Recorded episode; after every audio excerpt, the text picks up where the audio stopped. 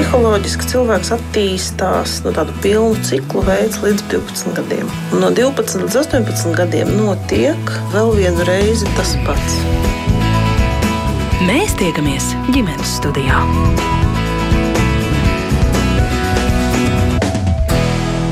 Labdien, klausītāji!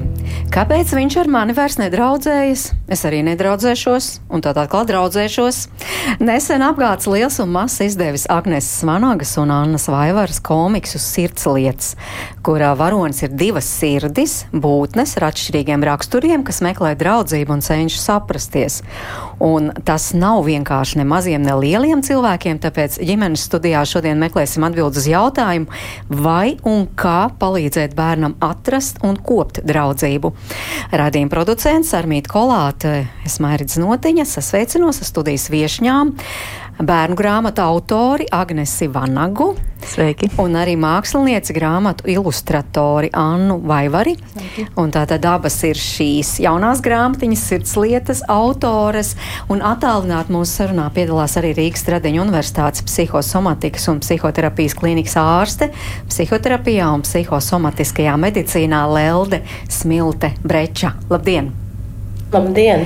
Ja, bet vispirms vēršos pie Agneses.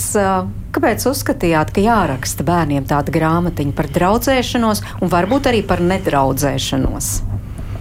Jā, man šķiet, ka tā draudzēšanās un mūsu savstarpējās attiecības ir vispār pamatā cilvēkam, un tā skaitā bērnam, un visas lielās sirdsāpes un pārdzīvojumi patiesībā bērnībā ir no tā, ka šīs attiecības kādreiz ir vai nu grūtas, vai sarežģītas. Un gribējās, lai ir tāda neliela rokas grāmata, kurā smelties kādu prieku, humoru un varbūt kaut kādu nelielu iedvesmu, kā atrast to brīnišķīgo sajūtu.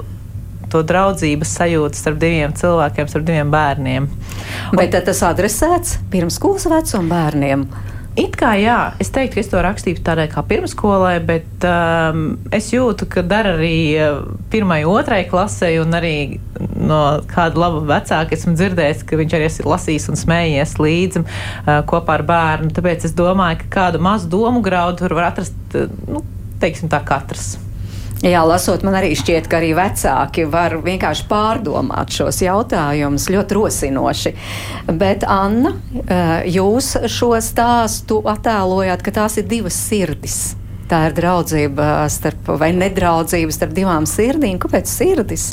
Tā ideja par sirdīm patiesībā ir, bija Agnes ideja. Tas jau sākumā, kad viņa rakstīja tos uh, stāstīņus, dialogus. Agnēs bija izdomājis, ka tās būs sirdis. Tad, uh, nu, jāsaka, tas tāds, mēs iepazināmies ar Agnēsi uh, un teikt, sadraudzējāmies vienā braucienā uz literatūras festivālu uh, Islandē. Un, uh, tā laikā arī Agnēs sāk domāt, uh, viņai radās idejas par šo uh, grāmatu. Tad viņa man piedāvāja ilustrēt. Man gribējās, man liekas, būt forši ar Agnēs kādu grāmatu kopā uztaisīt. Eh, un tad viņa piedāvāja par tām sirdīm. Man sākumā likās, nu, nezinu, forši ideja, bet tā sirds vai nevarētu kaut kas cits būt, ka tas sirds tāds jau varbūt novazāts, tāds vizuāls tēls. Un, jā, tāds sākumā nebija sajūsmā par šo, eh, šo ideju, bet uh, tad es kaut kā uh, drusku strādājot ar sevi, man liekas, atradu to, uh, tos raksturus viņām. Un, uh, un arī pats sadraudzējos ar tiem tēliem. Man liekas, ka viņas nav, nav vairs tādas banālas, kā es iedomājos, varbūt sākumā. Uh, jā, tas gribējās arī, ka viņas pietiekami atšķirīgas. Arī viņas kā Agnēs rakstot tos tēlus uh, atšķirīgas, uh, jau bija iedomājusies, un tad vizuāli arī uh, viņas vien, vien ir tāda kāda tad ir viena sirds un kāda ir otra sirds, kā jūs raksturotu? Viena ir tāda man liekas, drusku nopietnāka un uh, saprātīgāka, un viena ir tāda pavieglāka. Pēc rakstura man šķiet. Vai pēc svara? varbūt arī pēc svara, jā. jā, bet Agnes, nu, tas varbūt arī savā ziņā tāds kā vēstījums, ka tikai tad, kad tu atver savu sirdi, tu vari sadraudzēties vai atkal otrādi. Jā, man šķiet, ka šoreiz ļoti svarīgi tā kā rāmura papīri iedot to vēstījumu, jā, ka tās ir divas sirdis. Tas ir par mums, tas nav ne par zaķiem, ne ežiem, ne kaķiem. Tas ir par mums, par cilvēkiem, par tām mūsu sirdīm. Un manā bērnībā bija tās foršās košļienes, love is, un kaut kādā ziņā iespējams, ka tā ir tāda neliela tāda atsauce uz to bērnību arī kaut kādā ziņā tā vēlme nesarežģīt lietas, neietērpt viņas lielos skaistos epitetos, bet tiešām pateikt, man sāp, piemēram, kas ir ļoti svarīgi, jo reizēm man šķiet, mēs baidamies no tādas ļoti skaidras un vienkāršas komunikācijas. Tu man pateici, kā, un man tas sāpēja. Un man liekas, ka kaut kādā ziņā varbūt tas ir tāds mans mērķis, pavisam vienkārši pasniegt tās lietas. Tā, tā, tā lai skaidrs ir katram. Mhm, bet tās lietas, ko jūs gribētu akcentēt, jau šajā mirklī, jau pieņem lielākā daļa nav redzējuši, nav lasījuši šo grāmatu. Akcenti, kas būtu tie akcenti? Jā, man šķiet, empātija viennozīmīgi. Tā spēja iedomāties, kā jūtas otrs. Jo man šķiet, ka to, tas varbūt pietrūkst uh, pieaugušiem. To es pa, arī sev vienmēr kritiski izvērtēju, cik liela ir mana spēja. Ļoti augstu vērtēju šo, šo, šo emociju un sajūtu citos. Jā, droši vien, ka tā ir tāda galvenā, galvenā, galvenā tāda, tāda tēma, bet tā skaitā arī vispār emocijas, kā tāda saprast, kā tu pats jūties, kā jūtas cits, un tāda pozitīvā komunikācija. Mhm. Anna, ir te vēl kas piebilstams? Kas likās, kas noteikti ir nu, tāds kas akcentiņš? Nu, man liekas, forši, ka tas eh, tā, ka tur nav gluži tā viens ir eh, viens labais, viens sliktais, ka viņas tā kā uz maiņām tur uh, nevar saprasties, un tad viņas salīkst, un tad viņas. Tad viena ir neapmierināta, tad otra neapmierināta, ka tā rīvēšanās tāda, uh, jā, tāda līdzvērtīga. Man šķiet, tas jau līdzīgi arī dzīvē. Arī mēs arī neesam tādi izteikti labais un ļaunais. Vienmēr viens apmierināts jā. un neapmierināts. Mēs arī kaut kādā ziņā mainamies ar tām lomām. Katru dienu kāds cits var piecelties sliktā garastāvoklī, vai ne?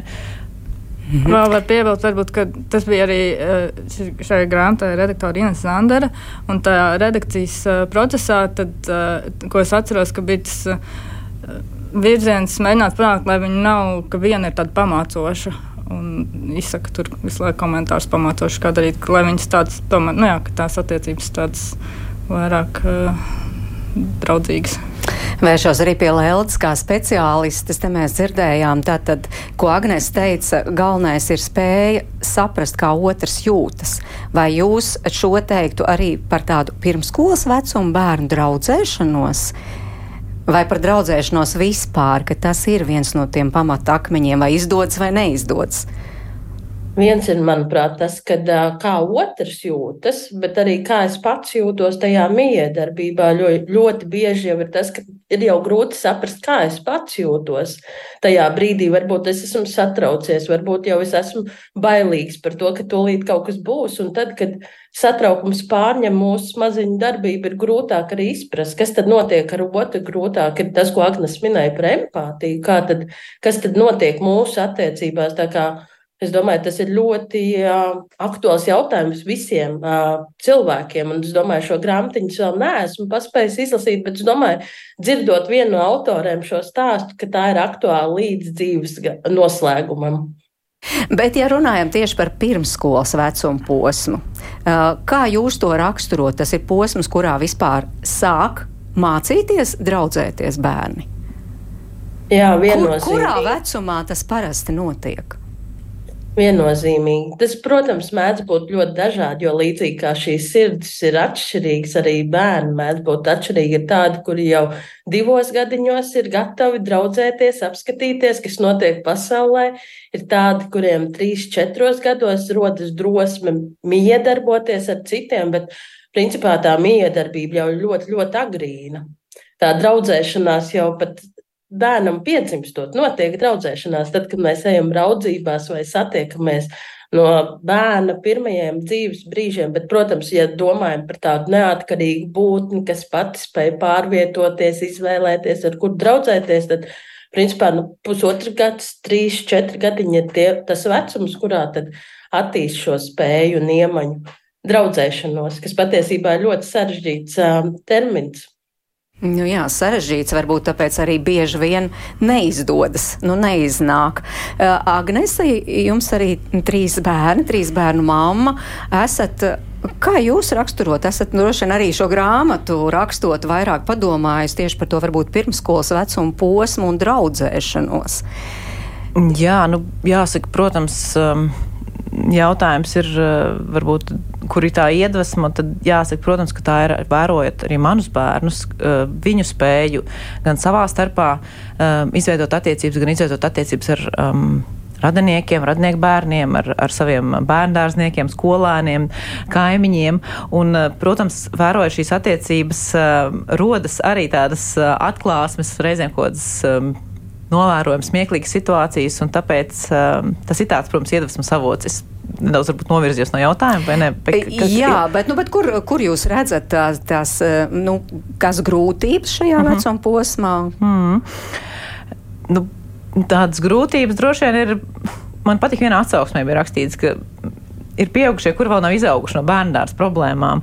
Un man šķiet, ka tās kaut kādā ziņā es varētu piekrist tam, ka tās problēmas, kas ir bērniem, patiesībā arī mums pieaugušajiem, mums reizēm negribas dalīties, mums reizēm negribas klausīties otru, mēs nevaram piekāpties, mēs nevaram varbūt vienoties par kaut ko. Līdz ar to es teiktu, ka tās ne tikai savos bērnos, arī sevī es redzu tās pašas uh, draudzēšanās, saskarsmes problēmas. Es redzu to savos uh, līdzcilvēkos, un es redzu to arī skolā, kur es pasniedzu nodarbības. Tāpēc man šķiet, tā, tās iespējas iedvesmoties ir daudz un atrast tos, tos temats, par ko runāt par grūtībām vai par savu bērnu problēmām, protams, aicinām rakstīt arī ģimenes studijas klausītājs, bet ģimenes studija pirms raidījuma parunājās arī pirmskolas izglītības iestādē Ketes māja ar bērniem un arī ar viņu skolotāju baibu, cik draudzīgi tad ir bērni un cik bieži ir vajadzīga pieaugušo iejaukšanās, varbūt arī skaidrojumi, kā tad tās draugu būšanas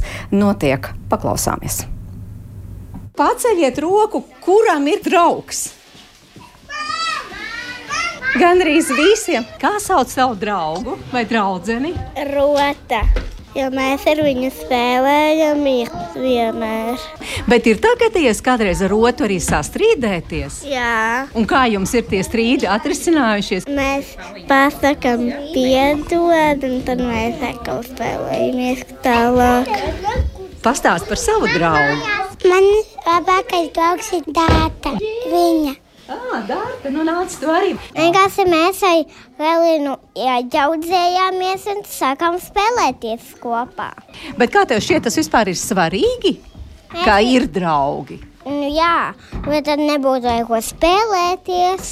Bet ir arī kāds nedraugs tev? Man ir viens nedraugs. Melānija nozag manas draugus. Bet kā ir sirsniņā, kad, piemēram, tavs draugs draudzējās un tad atkal nedraudzējas? Ļoti slikti. Un ko tu dari tādos brīžos? Man vienreiz iešūpināja super augstu. Kas tev iešūpināja? Skolotājs. Un tad tās sliktās domas pārgāja? Jā. Arī draudzībā dažreiz vienkārši sadusmojos drusku, bet vienalga vajag būt draugiem. Bet kā tām dusmām var tikt pāri? Var kaut ko sarunāt piemēram, mašīnīti, un tad, ja kāds iet tā kā uz kodu strādu, var arī tādu pašu uztaisīt, un tad ir vienāds mašīnītes. Tad nevajag visu laiku pret vienu cīnīties. Bet sarunāt var, ka tagad es paspēlēšos, un pēc tam tu? Tā arī var sarunāt kaut kādu brīdi. Es, tad tu, tad es, tad tu. Tā arī var bērni. Kas ir tie noslēpumi, lai iegūtu labus draugus un lai saglabātu labus draugus? Ka vienmēr jādraudzējas. Un tas saka mamma. Mana draudzene ir Nola, un es viņu mīļu.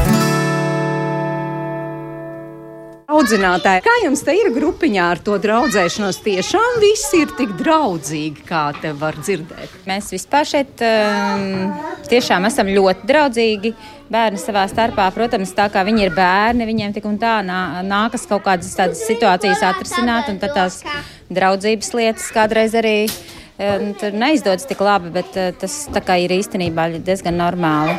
Jo viņiem jau nav tāda pieredze kā mums lielajiem, kā atrisināt kaut kādas situācijas. Tad viņi, protams, kādreiz tur kašķējās, strīdās, un tad trenējamies to visu izrunāt. Ja tā ir tāda akūtāka situācija, tad, protams, viņi zina, ka viņiem tur ir stop un nedari man tā, man nepatīk, ka tu tā dari. Mēs runājam, ko tu vari darīt, aiziet projām jālietot šo stopu. Nu, tā, bet, protams, ja tās ir tādas vienkāršākas situācijas, tad es jautāju, nu, ko tu vari darīt. Bet uh, arī šeit mums ir tā, ka es diezgan bieži neiejaucos viņu situācijās un vēroju un skatos, kas tur īsti notiek. Viņi paši ļoti labi atrisina šīs situācijas. Tā tās drīzāk tās akūtās situācijas, tad, kad es uh, iejaucos, ir salīdzinoši mazāk. Bet, ja ir kaut kāda pavisam situācija, kas samilzusi, ir, tad mēs pārunājam grupā, izmantojam kaut kādus plakātiņus, attēlus. Uh, nu, mēģinām tā plašāk pārunāt. Tur parādās kaut kādas tādas. Nu, bet tās situācijas, kad jūs vērojat visbiežāk, kas tad notiek? Tās ir mazas sadzīves situācijas. Nezinu, nevar sadalīt audumiņu, tas man, tas man. Un tad vai nu viņi savā starpā jau māca vienoties, vai rauj uz pusēm. Tad es redzu, kamēr kādam nebliež.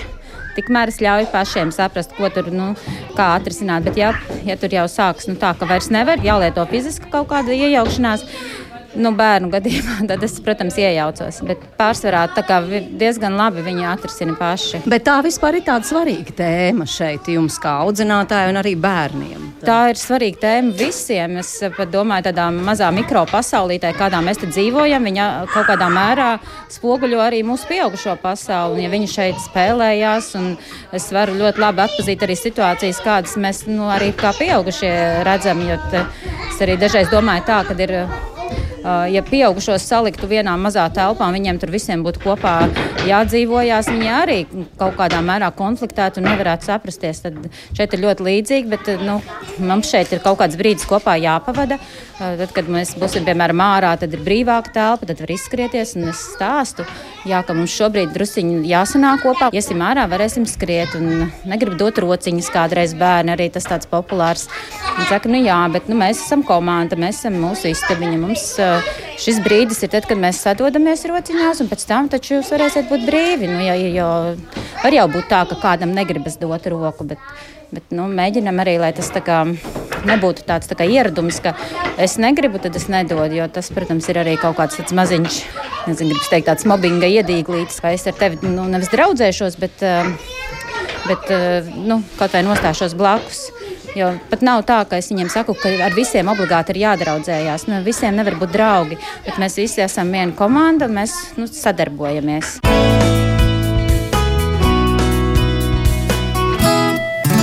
Tāds lūk ģimenes studijas sarunas pirms, pirmskolas izglītības iestādē Ketes māja ar bērniem, arī ar viņu skolotāju baibu. Un paldies, protams, par atsaucību un atgādināšu uzreiz arī klausītājiem. Tā tad iznākusi jauna grāmatiņa, tāds bērniem komiks sirdslietas, kas stāst par bērnu draudzēšanos. Un pie mums studijā ir grāmatiņas autores Agnes Vanaga un Anna Vaivare. Un arī uh, mums ir speciāliste, uh, ārste psihoterapijā un psihosomatiskajā medicīnā Lelde Smilte Breča. Bet tā tad, nu, par dzirdēto tur tā labi varbūt arī parādījās. Re, kā bērni arī var izstāstīt, ka it kā no vienas puses šķiet šajā vecuma posmā 5, 7 gadi, nu tur tā ar vienu šodien draudzējos, ar otru rītdien draudzējos, ar trešo parīt un tad atkal ar to, bet sirsniņa tomēr sāp kaut kādās situācijās. Agnes. Jā, man ļoti, ļoti patīk tās uh, sarunas. Man liekas, pilnīgi tik. Uh, tik jauki bērni spēja un tik tieši viņi spēja aprakstīt to, to savu situāciju, jā, par, nezinu, par drauga nozakšanu. Man liekas, vienkārši tiešām burtiski iesmaldzās sirds. Un uh, viņi tiešām visu jūt un saprot. Un, uh, Man patīk, ka viņi spēja arī spēja aprakstīt. Man skaidrs, ka līdzīgi kā audzinātājs stāstīja, ka viņi māca, to var dzirdēt tos bērnos, tos pieaugušo frāzes. Es mēģinu sarunāt, piemēram, un ja viņš nebūtu dzirdējis šo frāzi un nezinātu, viņam būtu daudz grūtāk tikt galā ar to konfliktu. Tāpēc man šķiet, tā mūsu pieaugušā loma ir ļoti, ļoti liela šajā vecumā. Mm -hmm. Anna. Man liekas, tur uh, izskanēja atkal tas pats, ko Agnēs pieminēja tajā vienā atsauksmē par grāmatu, kas man arī bija iekritis atmiņā. Uh, ka, nu, liekas, ka tādas uh, bērngārznieku problēmas tiek risinātas, bet patiesībā mums pieaugušajiem tās problēmas ir tādas pašas. Vienkārši mēs šķiet, ka nu, bērni pasakā, es ar tevi nedraudzēšos, vai es ar tevi draudzēšos, ka pieaugušie vienkārši nespēja to. Nu, viss kļūst tik daudz sarežģītāk, bet tajā bērnu līmenī tā atklājās nu, tas pats, kas mums visas tās pašas problēmas, tikai kaut kā vienkāršākos. Uh, saprotamākos veidos. Mm -hmm. Lelde, tad, kad skan šis, es ar tevi nedraudzēšos, es ar tevi draudzēšos, un tad tā sirsniņa uh, sāp pieaugušajam ir jāiejaucas. Jautājums par kontekstu, kurā tas notiek. Vai tas ir mājās, bērns atnāk un saka, ka kaut kas ir noticis, kad ir šādas frāzes, vai tajā vietā bērnu dārzā. Jo, protams, tas, ko jau iepriekš arī minēju, iedot bērnam telpu, paskatīties, kas tad notiek ar tām sajūtām, ko es ar viņām daru, vai, vai tas rada manī vēlmi iet uzbrukumā, vai es gribu aiziet viens pats projām, pārdzīvot, nerunāt ne ar vienu primāri bērnam ir jābūt tajās sajūtās. Un, protams, ja, ja ir situācija, kad ir agresija vai uzbrukumi, tad ir jānovelk robežas, jo arī tika minēts par to, ka ir noteikumi. Mēs zinām, šajā grupiņā mēs darām šādi. Tā ir vide, kurā mums būtu. Bet lielākoties nē, mums nav jāiejaucas. Mm -hmm, tā kā jāļauj bērniem kaut kādā ziņā pašiem tikt ar to galā. Jā, un palīdzēt verbalizēt, jo tas, ko varbūt savā ziņā mēs nedaudz devalvējam bērnus, viņi jūt vairāk nekā pieaugušie.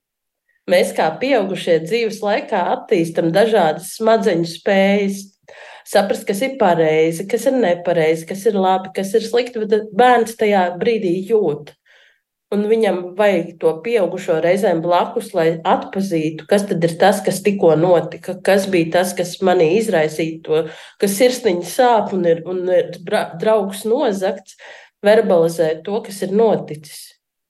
Bet var arī kaut kā, nu, kā mēs dzirdējām, tāds ļoti labi stāstījumā bija, ka man vienkārši audzinātais kārtīgi izšūpoja, un tad tas pārgāja. Varbūt šajā vecumā posmā tas arī dara.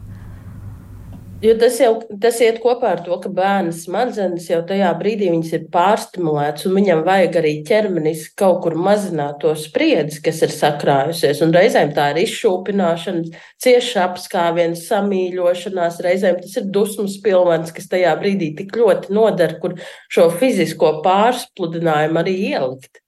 Mm -hmm. Agnes. bet, tas, bet tas viennozīmīgi, tas viennozīmīgi ir kaut kas tāds, ko mēs tā kā jā, mēs pamanām. Tas, to mēs redzam, ka tas notiek, bet tas nav kaut kas tāds, kas pārņem šī bērna dzīvi. Tad tie pieaugušie ir līdzās. Agnese, droši vien, ka jūsējie bērni jau arī kaut kad ir nākuši mājās un, un, un ar tām sāpošām sirdīm.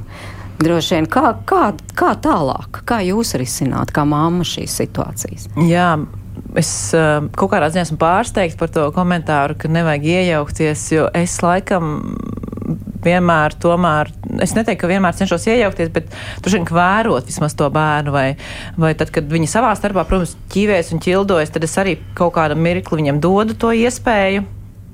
Bet, ja es jūtu, ka kāda no tām pusēm jau tiek varbūt jūtas stipri, stipri vairāk aizskarta, tad es uh, tomēr vienmēr cenšos iejaukties un uh, varbūt nevis dodot uzreiz tādus kaut kādas diagnozes, tu darīji pareizi, tu darīji slikti, tev jāatvainojas vai tā, bet vienkārši kaut kā pajautājot, kas notika, vai, vai, vai, vai, vai tagad šeit viss jūtas labi.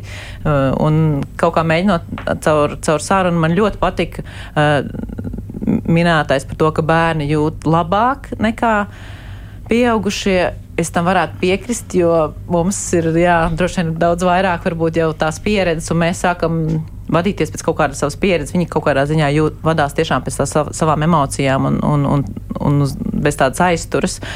Uh, jā, nu, man šķiet, ka tās attiecības ar, ar bērniem un ar draudzēšanos ir ļoti, ļoti sarežģītas un ir nākuši mājās ar sāpošām sirdīm. Un, un it sevišķi skolā, kad veidojās tās um, kaut kādas kompānijas, un tur vairs nav tas gādīgais bērndārs audzinātājs, kurš visu redz un visu pamana un, un uzreiz palīdz. Tur, tur skaidrs ir nedaudz jau tāda pieaugušo pasauli, kur pašam jācīnās par sevi. Un tāpēc ir vienmēr vērtīgi, ka mājās ir kāds pieaugušais, kuram, ar, kuram izkratīt sirdi un pajautāt varbūt kādu padomu vai, vai, vai vismaz tikai izkratīt sirdi. Jā, tā ir. Bet, sakiet, nu, ar visiem ir jādraudzējas. Es tā kā atgriežos atkal pie šī dzirdētā, ierakstā dzirdētā, jo tomēr audzinātāji arī uzsvēra, ka, nu, nereti ir tās situācijas, ka bērni uh, pasaka, nē, šitam es roku nedošu, šitam es blakus nestāvēšu, un viss. Vai tas ir tāds mobbinga iedīglītis, kā, kā mēs dzirdējām? Laikam jau šeit atkal jāņem tālāk pieaugušos, jo mēs arī nedraudzējamies ar visiem.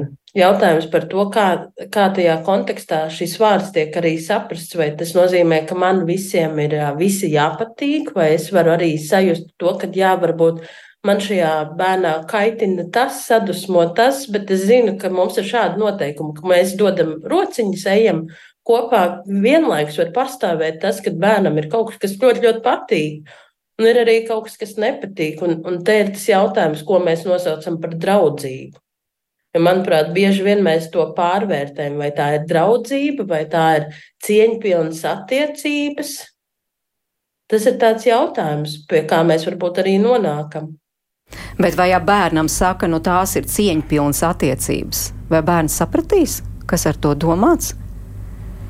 Tādēļ mēs izmantojam šo vārdu draudzību bieži vien, bet mums kā svar, svarīgi, kā pieaugušajiem, saprast, ka akceptēt tā bērnu jūtas, ka var kaut kas nepatikt. Bet, piemēram, ir šie noteikumi, ka mēs mēģinam būt iecietīgi, saprotoši, draudzīgi, kā kurš to var nosaukt, bet, bet vienlaikus, kad ir šī robeža, kad var būt arī šīs nepatīkamās sajūtas. Un nākošajā dienā šis cilvēks atkal ir draugs un atpakaļ savā draugu lociņā. Un, un veidot šās jau agrīnās attiecību pieredzes. Nu, vecāki jau ar tā saviem bērniem neredz saka, kā tur viens teica, man māma teica, ar visiem ir jādraudzējas. Jā, bet otrs puses iedomājas, kā tas ir iedot roku cilvēkam, kurš to nepatīk. Mm. Nu, tu varētu iedot roku cilvēkam, kurš to nepatīk. Nu, tā, teiksim, man šķiet, ka kaut kādā ziņā mēs daudz no bērniem prasam, ļoti daudz. Man uh, vispār patika, tur bija tas uh, izskanēja, ka nav visiem jādraudzējas, bet ka mēs esam komanda. Ka, un tad man iekrist, ka tajā. Ka grā, mums grāmatā arī ir tieši tāda epizode, kur ir uh, tas sirds strīdās. Viena ir iemetas bumbu ūdenī, Uh, un tad viņi sastrīdās, kur, kura tur iemet, vai speciāli iemet, vai neiemet speciāli. Un tad viens saka, es tā nedraudzēšos, uh, otrs saka, labi, nedraudzēsimies. Uh, Bet tad uh, tā pirmā saka, uh, nu jā, viņas abi skatās uz to bumbu ūdenī, un viņi saka, nu labi, nedraudzējamies šodien, bet varbūt mēs varam sadarboties. Un tad viņas pēc tam sadarbojās, lai izmakšķerotu to bumbu ārā. Tā, nu jā, tas nav jau vienmēr jādraudzējās, vienkārši uh, kaut kā komandā kaut kas jāpaveic. Tad, uh, Nu, jā, tās ir laikam tās cieņpilnās attiecības. Nu, tā konkrēta epizode patiesībā nāca no skolas, eh, no, no mana bērna audzinātājas, kas man tik ļoti pārsteidza un iepriecināja, ka mūsdienās paldies Dievam, skolotāji ir tik zinoši, ka viņi spēja veidot tos bērnus ne tikai par draugiem, bet tiešām par to komandu. Un, un arī nāca mans uh, dēls mājās un bija šausmīgi frustrēts, dusmīgs, kāpēc man viņu jābūt vienā komandā un, un jāstrādā pie tā darba, un vispār viņš ir tāds un tāds, un tad jā, tā skolotāja nāca ar to, un es saku, nu, ko skolotāja teica, šik, jā, skolotāja teica, ka mums jau nav jādraudzēs, mums ir jāsadarbojas, un man šķiet, ka tā ir tāda ļoti, ļoti laba frāze un, un laba tāda tablete pret tām kaut kādām reizēm tām dusmām vai, vai tām negācijām, kas, kas tev ir, ka tu tiešām nevienmēr gribi būt kopā ar kaut kādu cilvēku, bet jums ir kopīgs uzdevums, jums ir kopā jābeidz skola vai jums ir jāuzraksta kaut kāds darbs kopā, un, vai jāiedod roku un jāaiziet ārā pagalmā. Tas ir jūsu uzdevums. Mm -hmm. Bet reizēm jau arī paši vecāki saka, bet tu ar to un to nedraudzējies. Jā, šādu un tādu es nevaru iedomāties, ka es būtu tā teikusi, bet esmu dzirdējis tādas frāzes, bet varbūt uh, tas ir kaut kādā tādā kontekstā pasargāt to bērnu no kaut kādām, varbūt, nezinu nelabvēlīgām attiecībām. Es nezinu. Nu, droši vien tas ir. Es nezinu, man uh, nav tāds pieredzes, un es nezinu, nevienu, kas tā, tā teiktu, tāpēc nevaru komentēt. Nu, varbūt drīzāk es varu iedomāties, ja lielākā vecumā tur nav kaut kāds ietekmes, gribu pasargāt, bet es arī šaubos, ka tas var strādāt tā. Mm -hmm. Lelde, ja izskan un vecākiem šķiet, nu jā, nu tomēr ir tagad arī bērndārzos tādi bērni, varbūt tur neuzvedīgāki vai šādi vai tādi, un tad vecāks saka, ar šito nedraudzējies. Kā jūs šo komentētu? Es domāju, ka ļoti bieži ir bailes, ka bērns sāks atdarināt vai imitēt. Un tad ir ļoti, ļoti būtisks jautājums par to, ka mēs kā ģimenes, kā sabiedrība iedodam bērnam par to, ka šis, šie noteikumi, kā mēs darām, ka kādam bērnam ir īpaši mūsdienās, ka mēs tik daudz runājam par dažādiem funkcionāliem traucējumiem, kas izpaužas kā uzvedības traucējumi. Ir biedējoši to, jo, ja nu mans eņģelītis turpinās rīkoties un būs šāds nepaklausīgais, Un līdz ar to arī es domāju, ka šis jautājums vairāk attiecas arī uz to, ka ģimene jau iedod to pamatu. Ģimene ir pats pats kodols, un pēc tam ir sabiedrība apkārt. Un arī, ja bērnam ir šī sajūta par sevi, kāds es esmu, kāda man gribas būt, viņš arī var pamēģināt, kā tas ir būt tam palaidniekam, kas tur kaut ko izdara un saprast, kā es jūtos tajā situācijā, bet tas nepārņem viņa personību. Nu, tā kā vecākiem tāds rosinājums tomēr ļaut bērnam draudzēties vismaz bērnu dārzā ar visiem bērniem. Nu, ja bērns pasaka, es ar šito draudzēšos, tad. Vai vecāks var kaut ko izdarīt, lai nedraudzējas? Jo tajā brīdī, kad bērns ir grupiņā, skolā, viņš jau miedarbojas ar visiem. Un tas, kas bērniem raksturīgi, ka, jā, ka mēs kā pieaugušie saprotam, ir kādi noteikumi, bet bērns, ja gribēs, viņš, viņam ir tā tieksme būt kopā. Mēs nevaram aizliegt iegūt šādu pieredzi. Jautājums par to, ko tas nozīmē vecākam, kāda ir šī vienošanās arī ar pedagogu, sarunas grupiņās, jo ir ļoti daudz patīkamu piemēru par to, ka arī, ja ir šī nepaklausība, vārdīšanās grupiņā no konkrēta bērna, tad mēs esam komanda, mēs, mēs risinām, kā mēs darām šajā situācijā. Un, un iedodam par to, ka viens bērns nav sliktāks par citiem tikai tāpēc, ka viņa uzvedība ir tāda. Drīzāk jautājums, kas šim bērnam rosina šo uzvedību, kā tad mēs varam palīdzēt, atbalstīt viņam. Jo bērnu emocionālajie traucējumi jau visbiežāk izpaužas, ka ir uzvedības traucējumi, vai ka mēs redzam no malas, ka kaut kas ir nepieņemams, nepieļaujams. Un jautājums par to, kas tad notiek ar šo bērnu, līdzīgi kā ar bērnu, kas varbūt tajā brīdī stāv malā un klusē vai ir distancēts no pārējiem.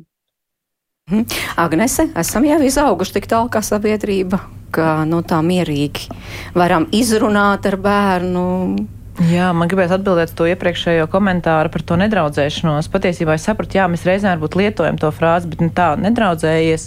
Bet esmu kādreiz teikusi bērnam, piemēram, nu, ja viņš saka, jā, viņš man dara pāri, piemēram, vai tur vienmēr tur atņem man tur kaut ko tur, kaut kādā tur, nezinu, bērndāras posmā, tad tas ieteikums ir varbūt izvairīties vai, vai nu, tad tā kā pāri malā vai, teiksim, ne, nelec uz tām mecešām. Un, ja tu zini, ka tur ir kaut kādas problēmas vai kaut kādas, teiksim, tie bērni, kuriem varbūt vairāk ir tā, tā uzvedība tik aktīva, ka tu, teiksim, nespēji tur tikt līdzi, tad Tad, jā, tad tā, tā varbūt tas mans kādreiz ieteikums ir bijis izvairīties no tā, bet ne aiz bailēm, ka viņš imitētu to darbību, bet drīzāk varbūt uh, rūpējoties, lai viņš izvairītos no kaut kādām tām nu, negatīvām emocijām pēc tam, vai netiktu sāpināts vai kaut kā tā. Mm. Paldies arī klausītājiem, kuri iesaistās mūsu sarunā un otomārs raksta. Uh, varbūt speciālisti var paraksturot, kāpēc pavisam maziem bērniem nav problēma draudzēties ar pretējā dzimuma bērniem, un dzimumam varbūt nav nozīmes, bet tik līdz bērni sāk iet skolā, tā sēž ierakuma pretējās pusēs gan puiši, gan meitenes. Jā, vispār tās puikas un meiteņu draudzības vispirms, vai tās ir atšķirīgas? Te atkal jautājums par vecumu posmu, bet um, normāli cilvēkam attī, attīstoties ir tas, ja mēs sākotnēji esam kā visi līdzīgi, kad nav atšķirība puisīts vai meitenīte, tad laikam ejot šī dzimuma atšķirība paliek arvien lielāka. It īpaši bērnam pieaugot, fizioloģiski nobriestot, mēs redzam, gan izskata ziņā, gan uh, tas, kāda ir šī uzvedība, kāda ir šī spēlēšanās. Un, Un tas, kas bērniem ir īpaši raksturīgs, ka viņi jau atdarina, ko tad nozīmē būt puisīšu lomā, spēlēties ar tām mašīnām, un ko tad nozīmē puišiem spēlēties ar tām lēlēm, jo ir interesi par to, kā tas izpaužas. Tad, kad bērns pieaug, viņš sāk ar vien vairāk un vairāk saprast, veidojas arī šis jautājums par to, kas tad es esmu, kāds es gribu būt, un tad arī šie dzimumu jautājumi kļūst ar vien redzamāki un atšķirības ir pamanāmas daudz, daudz vairāk. Bet tāpēc arī ir tas viens posms sākuma skolā, kad tā kā puiši savā komandā un meitenes savā. Jā. Bet grāmatā jūs arī tā kā rosināt, bet vairāk nevis par puišiem un meitenēm, bet par atšķirīgo. Ka, ka jā, arī tas ir tas otrs atšķirīgs no manis, vai tas ir? Jā, nu mums vispār tāds nedraudzēties. Tāds labs jautājums par tiem klausītājiem bija par tiem dzimumiem, jo mums ar, vis, vispār bija tāds strīds. Tāds jā, kā... Dzimumi jautājums par šo, šo, attiecībā šo grāmatu bija, tur bija plašas diskusijas. Jā, jo nav ne, tā kā kaut kādā ziņā man rakstot šķita, ka tie ir puiši. Annai zīmējot, šķita, ka tās ir meitenes. Nē, nē patiesībā. Uh, Labi, kā es jā, jā, tieši tā atkal sāku strīdēt. Nē, uh, ka sākumā doma bija, ka viņiem nav dzimuma, ka viņi vienkārši ir tādi radījumi, sirdis. Uh, un ka neuzsver to kaut kādu dzimumu lomas uh, šajās attiecībās. Jā. Uh, nu, mm. Gan attiecībās, gan tajos tēlos. Bet tā kā latviešu valodā visiem vārdiem ir dzimta, tad uh, no tā nevarēja izvairīties nekā. Un tā kā sirdis ir sieviešu dzimtē, tad uh, tajos patiesībā tur maz ir tāda dialoga, kur viņ, viņas nekad neuzrunā. Uh, Vienu otru tā, ka izpaustos tas uh, dzīvums, bet dažos teikumos, kur tas izpaužās, tur viņas ir, uh, ir ar sieviešu dzimtas galotnēm, tāpēc, ka sirds ir sieviešu dzimtē. Bet uh, tā sākotnēji bija domāts, ka netiek uzsvērtas tās dzimumu uh, lomas un izpausmes. Jā, man liekas, tas ir tā ir taisnība, ka tajā vecumā, kad bērns ir pirmskolā, viņam uh, neko nenozīmē īsti tas, ar, ar ko draudzēties un ar ko spēlēties. Arī tik dažādas ir tās spēles, ar ko viņi aizraujās, un, un tiem spēļu biedru, vai viņam ir biželis, vai viņiem ir zēngali, viņam, viņam tas neko nenozīmē. Bet uh, līdz ar to arī es te, teiktu, tajā grāmatā arī man šķiet, tie tās epizodes un, un tie stāsti, viņi nav ne meitenīgi, ne puiciski, viņi ir tādi, kur, kas ir, um, kas ir vienkārši tādi, tādi kā mm. piemērot jebkuram. Mm, nu, bet lasot, piemēram, var izlasīt, ka meitenes tur vairāk uh, savstarpēji draudzējas, puiši vairāk pēc interešu tām grupām, nu, ka tomēr atšķirīgi tās draudzības veido. Es teiktu, atšķirība no personības. Man, man ir grūti teikt, protams, ka Uh, ir kaut kādi tie stereotipi, ko mēs saistam ar puišu un meiteņu spēlēm, bet uh, vai, vai vienmēr tā ir un, un vai visi ar to asociēs, es nezinu. Jā. Man šķiet, tikpat labi, mei, man bērniem tik ļoti patīk spēlēt futbolu ar, ar puišiem. Man liekas, atkal, uh, atkal dažiem, nezinu, manam krustdēlam tik ļoti patīk adīt.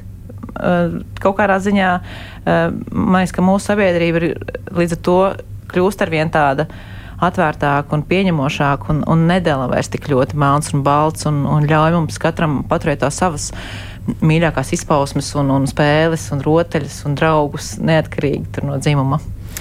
Mamma diviem bērniem mums rakstā. Man liekas, ka liela problēma ir tā, ka pieaugušie arī mēs, vecāki, bērnu draudzības un to problēmas neustveram nopietni. Jo tikai pieaugušajiem var būt īstas draudzības, muļķības. Bērniem tas ir pasaules centrs bieži un rada pēc tam arī kaut kādas paliekošas traumas. Lelde. Nu šeit jau ir no, kā, no katra no savu puses skatoties, kad jā, no vienas puses draudzība iedod to pamatu, kā tad tālāk veidot attiecības arī par šīm traumām, bet arī tajā pašā laikā, kāda ir draudzība raksturo arī pašu, pašu cilvēku. Līdz ar to, protams, tas ir tādēļ ir tik būtiski, ka mēs runājam par to, kas notiek, mēs piedzīvojam zaudējumus, neveiksmus un cilvēka attīstība vispār ir caur krīzēm. Mēs nevaram attīstīties, ja mums nav krīzes, un sākot ar bērnu piedzimšanu, viņa radīšanu līdz pat vecum, pavisam lielam vecumam, to, kad mums ir jāpiedzīvo to, ka kaut kas nesanāk, kaut kas neizdodas, un ko mēs darām ar to. Un tādēļ ir tik būtiski, kad arī mēs šeit šodien par to runājam, ka draudzība tas ir kaut kas tik ļoti sarežģīts, kas apvienot ļoti daudz dažādus mainīgos faktorus un liek arī pamatus tam, kā mēs tālāk veidojam šo mijiedarbību. Jā, bet nu, kā ir taču tomēr, kā mēs runājam, dažādi bērni. Un ir arī tie kautrīgie bērni, kuriem varbūt ir grūtāk sadraudzēties nekā pārējiem. Kā iedrošināt bērnu? Te mums arī esam sakautrējušies atbildēt šo jautājumu. Es uh, nezinu, es varu runāt vien tikai kā no vecāka pieredzes, un uh, man bērni ir ļoti kautrīgi, un bērnu laukumos viņi nekad neiet klāt pie citiem bērniem, lai izveidot kaut kādu uh, kontaktu vai, vai sadraudzētos. Es vienmēr brīnos par tiem bērniem, kur var pieiet klāt un pateikt čau.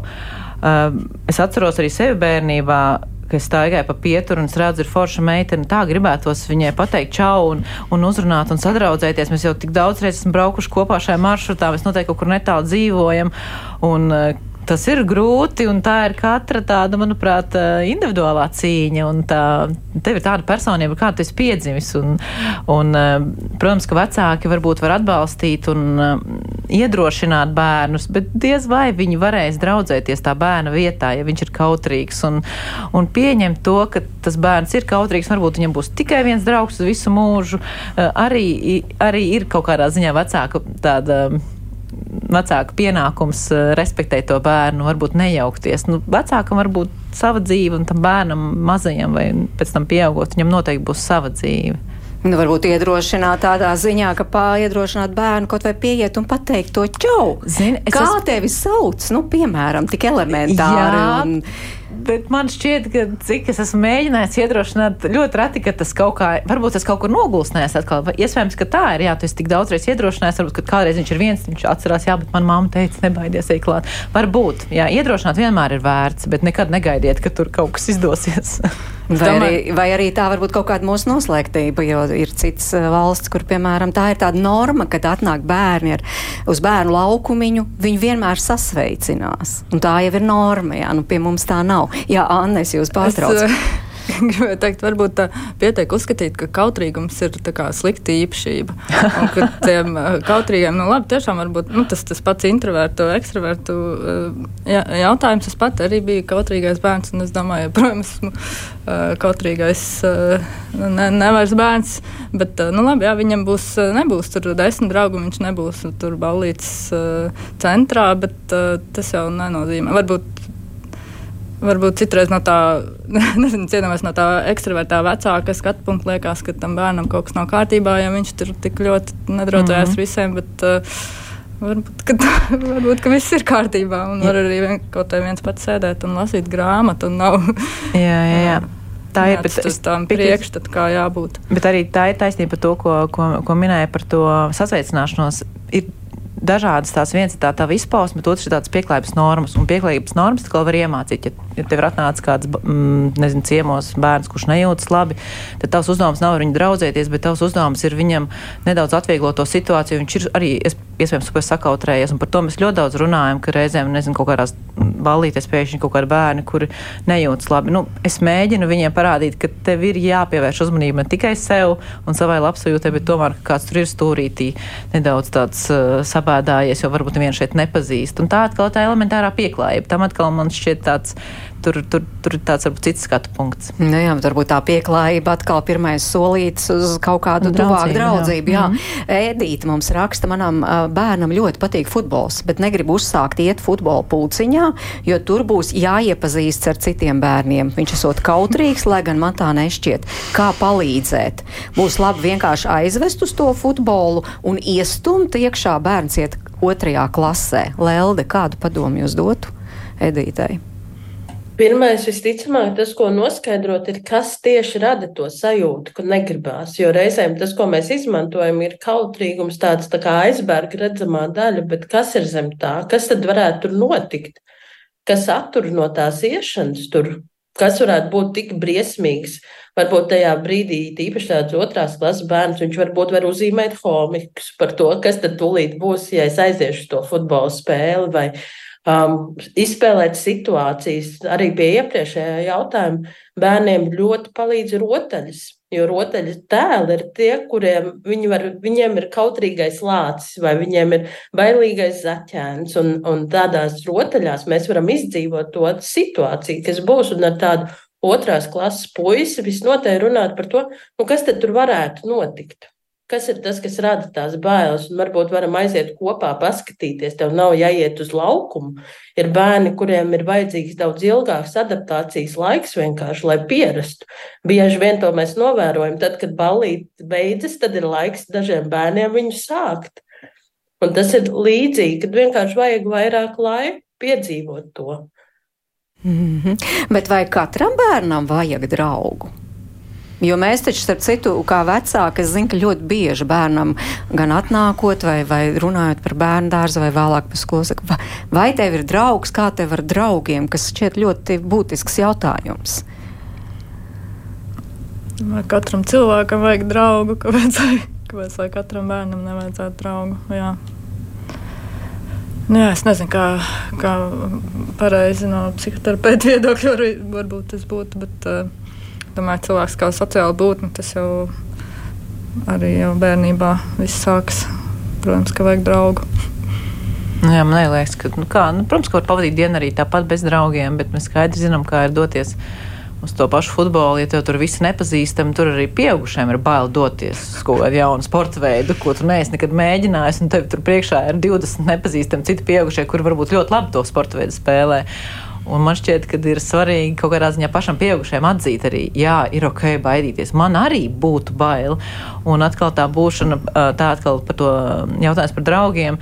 Nu, vai tu pavadi dienu nezinu, nodarbībās vai spēlēs bez draugiem, vai pavadīt dienu kopā ar draugiem. Protams, ka foršāk ir ar draugiem. Es domāju, tas ir tāds mūsu dabisks, tāpēc arī vecāku un jebkura um, pieaugušā jautājums bērnam, nu, vai tev ir draugs, vai tu tur jūties labi. Droši vien tas ir tas jautājums, vai tu tur jūties labi. Jo varbūt tur tiešām viņam nav draugu, bet viņam ir forši kompanioni vai forši komandas biedri, un viņš tur jūtas mm -hmm. labi.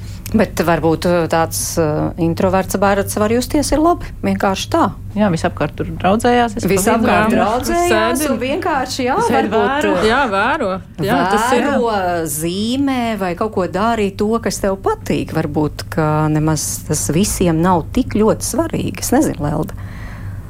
Man šķiet, ka reizēm tas ir tāds tāda prasība, ko mēs sagaidām, tāds mērķis, kas ir bērnam jāsasniedz tā vietā, lai pajautātu, Um, kas notika šodien dārziņā, un padaloties arī ar savu ikdienu, mēs mēdzam pajautāt, vai tev ir draugi, kur tajā brīdī bērns var apmulst un domāt par to, ko tad īsti tas nozīmē. Vai tas bērns, ar kurus tikko dienā spēlējos, ir draugs vai nē, ko tad nozīmē tā definā, definīcija. Un citreiz tiek pateikts, nu, ka nē, draugu nav, bet parunājot ar šo bērnu, mēs uzzinām, ar to un to spēlējām ķerenes ar Jāni kāpa kokā, ar Annu brauc ar mašīnītēm, un patiesībā tā miedarbība notiek.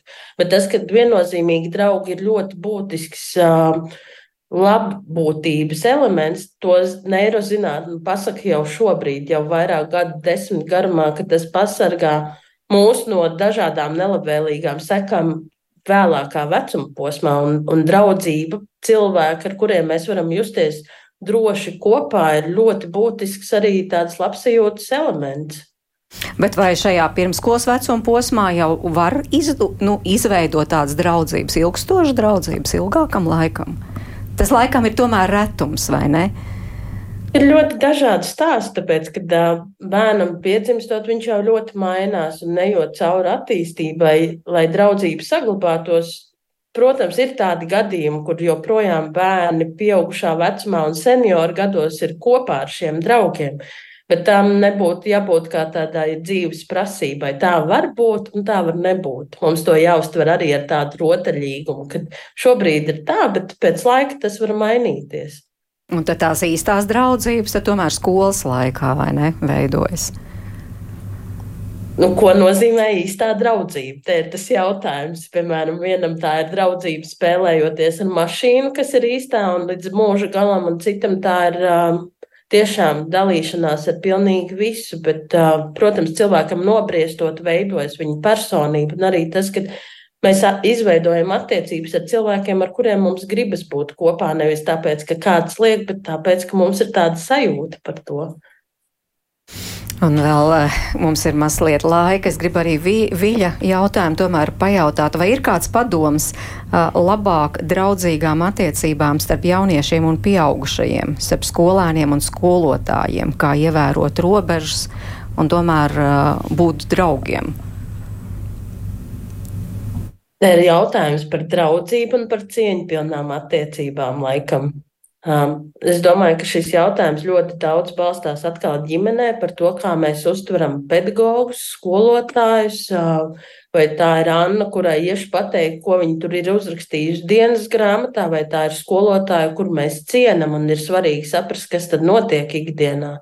Līdz ar to es domāju, tas, kas šobrīd ir jautājums par to, kā tad veidot šīs cieņpilnās attiecības, un tur viennozīmīgi tas jau sākās ļoti agrīni. Arī, protams, tas var būt individuāls jautājums, bet arī grupas, klases jautājums, kur tad ir šie arī tālākie, tālākie ceļa posmi, kā tad veidot šo, kad nodrošināt cieņu. Un bieži vien tas sākas ar pašcieņu lai cienītu arī citus. Nu, lūk, tik daudz jautājumu par draudzēšanos un draudzību un uh, bērniem, bet tad uh, noslēdzot šo sarunu, Agnes, Anna, kā tad jūs iedomājaties, kā šī grāmatiņa varētu palīdzēt uh, meklēt atbildes uz šiem jautājumiem?